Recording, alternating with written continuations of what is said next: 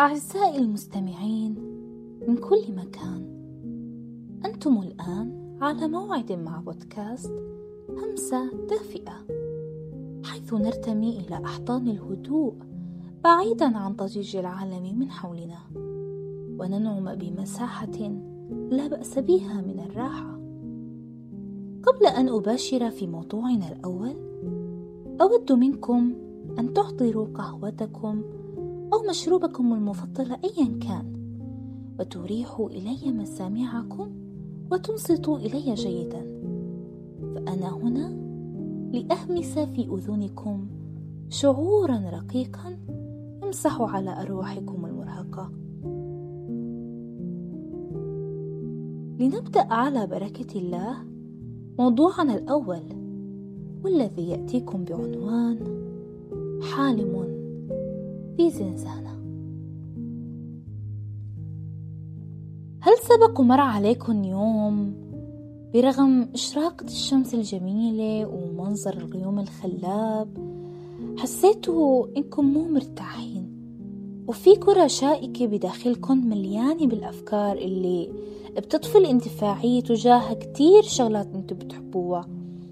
أمور عديدة مشكلة إلكن خوف وتوجس من شي في المستقبل انتو عم تسعوله طيب أنا متأكدة إنه أغلبكم جرب إنه يحط راسه على مخدة في سبيل إنه ينام بس مرت طبعا ساعة وساعتين وثلاثة وما حسنتوا تخفوا. طبعا سلطان النوم للأسف هالمرة ما نجح وما طب بجنحاته عليكم أتوقع إنه حسنتوا تخمنوا أنا عن إيش عم أحكي صح؟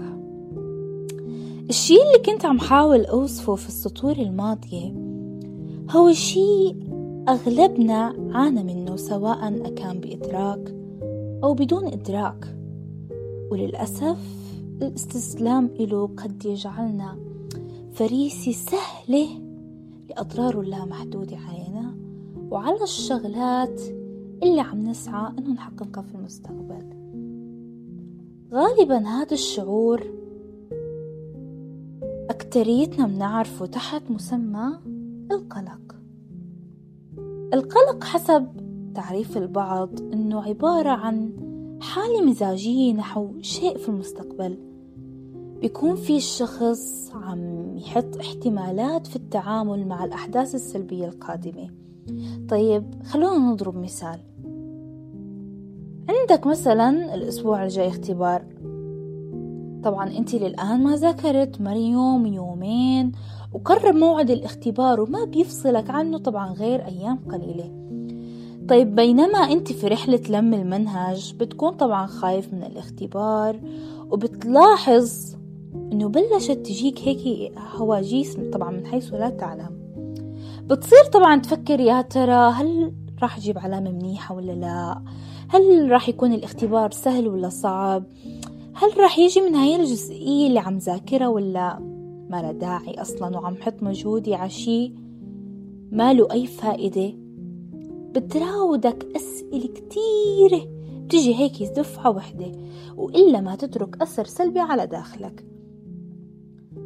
طبعا في عدة أمثلة أه بس هذا يعتبر أبسطها وأكثر شيوعا. غالبا هالحالة بتكون مرتبطة بوجود ضغط بمر فيه الإنسان وهي أمر بيساعد الأشخاص على إنهم إيش؟ يتعاملوا مع الأوضاع الصعبة اللي بيمروا فيها. بس أكيد لما بيزيد الشي عن حده بصير القلق بهي الحالات مفرط فهون الوضع راح طبعا يصير سيء وتندرج تحته اضطرابات ومشاكل صحية والعديد من الأمور السيئة الأخرى.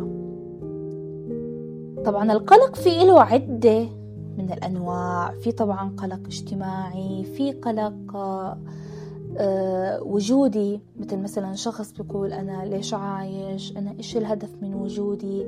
في عدة أنواع للقلق. بس غالبا بهذا الموضوع نحن رح نركز على القلق الدراسي أو طبعا ما يعرف بقلق الامتحان. ليش بدنا نركز عليه؟ لأنه هذا النوع من أنواع القلق صار متفشي بحياتنا وواقعنا ومجتمعنا بشكل كبير ومفرط وواضح. يعني مستحيل ما يكون في بيت إلا وشخص فيه عم يعيش ضغط من امتحان. عفوا مو ضغط قلق من امتحان. قلق الامتحان أو قلق الدراسة أو أيا كان المصطلح اللي بتطلقوه على هذا النوع من أنواع القلق بتعريف الشخصي دون الاستناد ل يعني مراجع أخرى. بحسن ممكن إني أعرفه حسب خبرتي البسيطة. إنه عبارة عن حالة غالبا ما ترافق الأشخاص اللي بيكون عندهم طموحات وأحلام وأمنيات وبيكونوا جادين على إنهم يحققوها. ففي أثناء مسيرهم تجاه تحقيق أهدافهم بيلاحظوا إنه تولدوا عندهم هيك دائرة كبيرة من الضغط فبينشأ عندهم أفكار كتيرة بتتعدد ما بين آه، خوف من الفشل خوف من التقصير خوف من إنه ما يأدوا واجبهم على أكمل وجه خوف من إنه ما انه انه النتيجة ما تكون مثل اللي ببالهم. أو غالبا مثلا بيكونوا خايفين من ردة فعل المعلمين غالبا بيكونوا خايفين من إنه آه، من نظرات رفقاتهم لإلهم. مثلا بيكونوا كتير شاطرين بخافوا إنه يجيبوا درجة آه، أقل من المعتاد حتى ما ينظر لهم الآخرين. مثلا آه، بنظرة الفشل. فحابة إنه أستشهد بموقف حصل معي. يمكن قبل ست أشهر. في فترة آه، الثانوي وتحديدا لما كنت عم ذاكر اختبار القدرات كانت هذيك الفترة فترة صعبة جدا. كانت متزاحمة ما بين آه، الثانوي وواجباته والتزاماته والاختبارات اللي فيه والحوس اللي مليانة في عالم الثانوي وما بين إنه أذاكر قدرات آه، وحاول إني أعطيه الوقت الكافي حتى أحسن أجيب درجة منيحة. كانت يعني فترة أشبه عن جد عن جد عن جد أشبه بشخص موضوع في قطر ضغط ومحمى عليه على أعلى حرارة ومطلوب منه إنه يتعايش مع هذا الواقع المزحوم بالتكاليف والمهام آه، وتحقيق النتائج اللي بترضي الفرد. ف كنت عم حاول إنه وازن ما بين الثانوي والقدرات. عانيت فيها من مشكلة الوقت الضيق من تراكم الواجبات من الاختبارات آه، من كمية المعلومات الزائدة. وكنت عم حاول صراحة بجل طاقتي وقوتي إني أوازن ما بين الطرفين. عموما لما اقترب موعد اختباري كنا وقتها بفترة رمضان. قبل اختباري هيك بشغلة أسبوعين. بتذكر كان يوم جمعة؟ بهداك اليوم آه، من كتر ما ذاكرت ذاكرت ذاكرت ذاكرت وحملت حالي فوق طاقتي. مع الأسف تولد عندي نوع اكتفيت وما عاد أحسن واستسلمت ل طبعا تيار الأفكار الذي لا ينتهي. بلشت أفكر كل طيب إذا مثلا أنا ما جبت الدرجة هاي إذا كانت درجتي نازلة إذا جبت نفس الدرجة الماضية إذا إجاني مثلا نموذج أنا ماني مذاكرته إذا إجاني سؤال أنا ما عرفت أحله إذا إذا إذا إذا إذا وأدخلكم بدوامة مو دوامة نوبة. طويلة طويلة طويلة من البكاء. طبعا في أثناء انهمار دموعي الحارة دخل علي بابا وشافني بهاي الحالة. سألني ب يعني باندهاش إنه ليش عم تبكي؟ مو عهدان بابا علي إنه يشوفني بهاي الحالة. فحكيت له إنه كذا وكذا وكذا وإني خايفة من اختبار القدرات و... وصارحته صراحة بمشاعر القلق اللي كنت عم عيشها. فبتذكر حكالي يعني جملة فعليا خلتني هيك انتبه الجانب. حقيقة كنت غافلة عنه. حكالي يا عواطف أنت حاليا عليك السعي. عليك فقط السعي. عليك إنه تبذلي بالأسباب. عليك إنك تجتهدي وتعطي طاقتك ويعني تبذلي كل السبل اللي عندك في سبيل إنك بإذن الله تحققي هالنتيجة اللي بدك إياها. ولكن هالنتيجة اللي أنت عم تقلقي نفسك مشانها هاي المفروض أنك ما تفكري فيها. وما تعطيها الحجم الزائد من الأهمية لأنه نتائج مو عليك النتائج على رب العالمين. النتائج على رب العالمين فقط ما بتعتمد عليكي انت مهمتك السعي. ربك شايفك وعرفان انت بإيش عم بتمري وعرفان قدر التضحيات اللي انت عم تعطيها في سبيل إنك تحققي هذا الشيء اللي بدك إياه. وطالما ربنا رب العالمين شايفك عم تسعي وعم تبذلي وعم بتحطي هالطاقة بإذن الله الله ما راح يضيع لك تعب. في حال إذا جبت الدرجة اللي بدك إياها أو أعلى فالحمد لله هذا من فضل الله. وإذا ما جبتي هالشي اللي أنت بدك إياه أو جبتي أقل أو درجة ما كنت متوقعتيها فذلك لحكمة. ففعلا لما صارحني بهاي الفكرة ولو إنها يعني فكرة معروفة ومنتشرة ولكن في بعض الأحيان مرات الإنسان هيك بيكون آه، مع آه، الضغط وتعدد الأفكار ومزاحمة يعني خلينا نعيد الكلمة مزاحمة الأفكار في الوقت ذاته بتنسينا الحقائق والمسلمات اللي بحياتنا.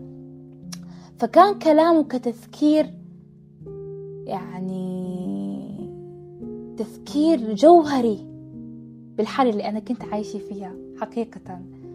فبتذكر بعد كلامه هديت هيك واستجمعت نفسي و...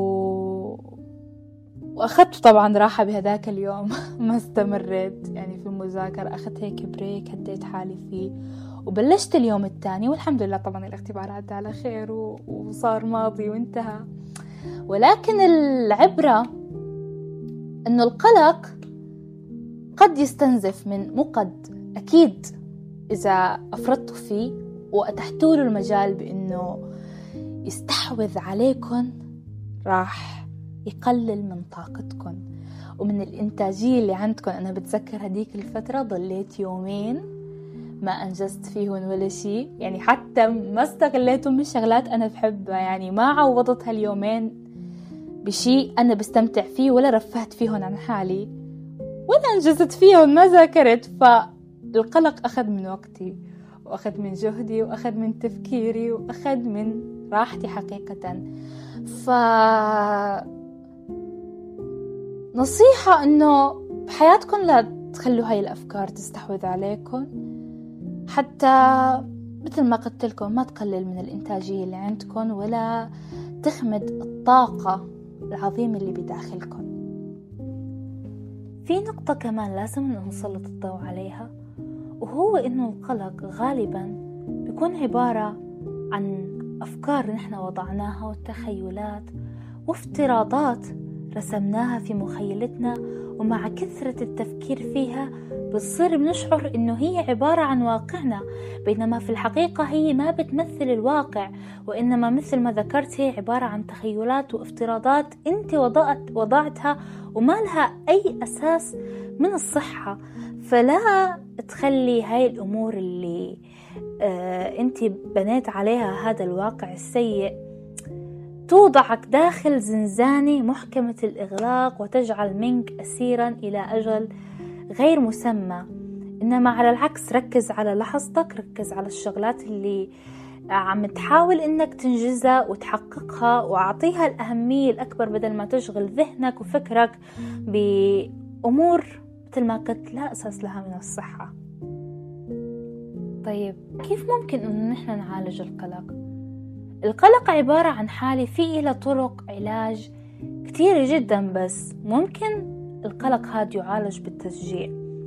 مثل التشجيع اللي بيصدر من الأهل أو من الأصدقاء أو من أنفسنا نحن عن طريق ممكن آه، كلمات إيجابية عن طريق أوراق بنعلقها وفيها آه، بعض الكلمات اللي بتدفعنا أو ممكن مثل مثلا ما أنا كنت أعمل كنت صراحة أفتح دفتر مذكراتي وأصارح نفسي بشعور القلق اللي أنا عم عيشه ووثقه بحس صراحة بعد ما كنت أكتب كنت هيك ارتاح شوي فممكن هاي تكون طريقة فعالة لبعض الأشخاص.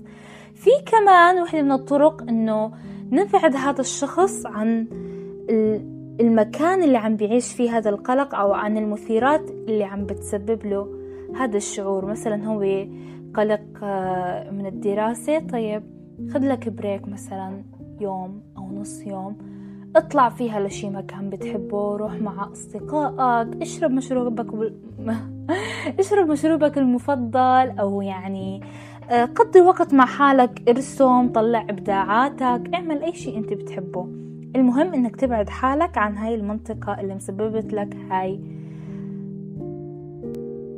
وفي ظل كثرة العلاجات سواء ذكرناها أم ما ذكرناها لا ننسى أهم أهم أهم جانب المفروض أن نركز عليه وهو علاقتنا مع الله عز وجل.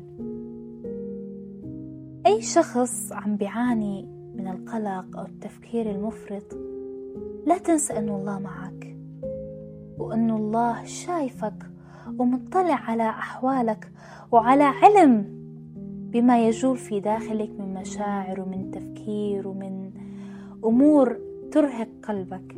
فاطمئن رزقك ومستقبلك وهالأمور اللي عم بتفكر فيها هي عند رب العالمين محلولة ومرتبة في أجمل وأروع وأدق وأتم صورة ممكن إنك تتخيلها. وما بتحمل في طياتها إلا كل طيب وكل خير. فاستودع الله مستقبلك واستودع الله أحلامك واستودع الله طموحاتك واستودع الله كل شيء أنت بتحبه فهو عند الله مرتب ميسر منظم. فاسألوا الله سبحانه وتعالى راحة البال والطمأنينة وأن يبعد عنكم الهم والغم والتفكير وأحسنوا الظن بالله سبحانه وتعالى. فالله سبحانه وتعالى يقول في الحديث القدسي أنا عند ظن عبدي بي وأنا معه إذا دعاني. وفي الختام حذاري أن تكونوا فريسة مستساغة للقلق. يحصركم في دائرته متى أراد. فتكونوا كحال من أسر نفسه في زنزانة فأضحى حبيسا لا يقدر على سلوك الدرب ولا على المضي في الحياة. دمتم في رعاية الله. عواطف السرحان.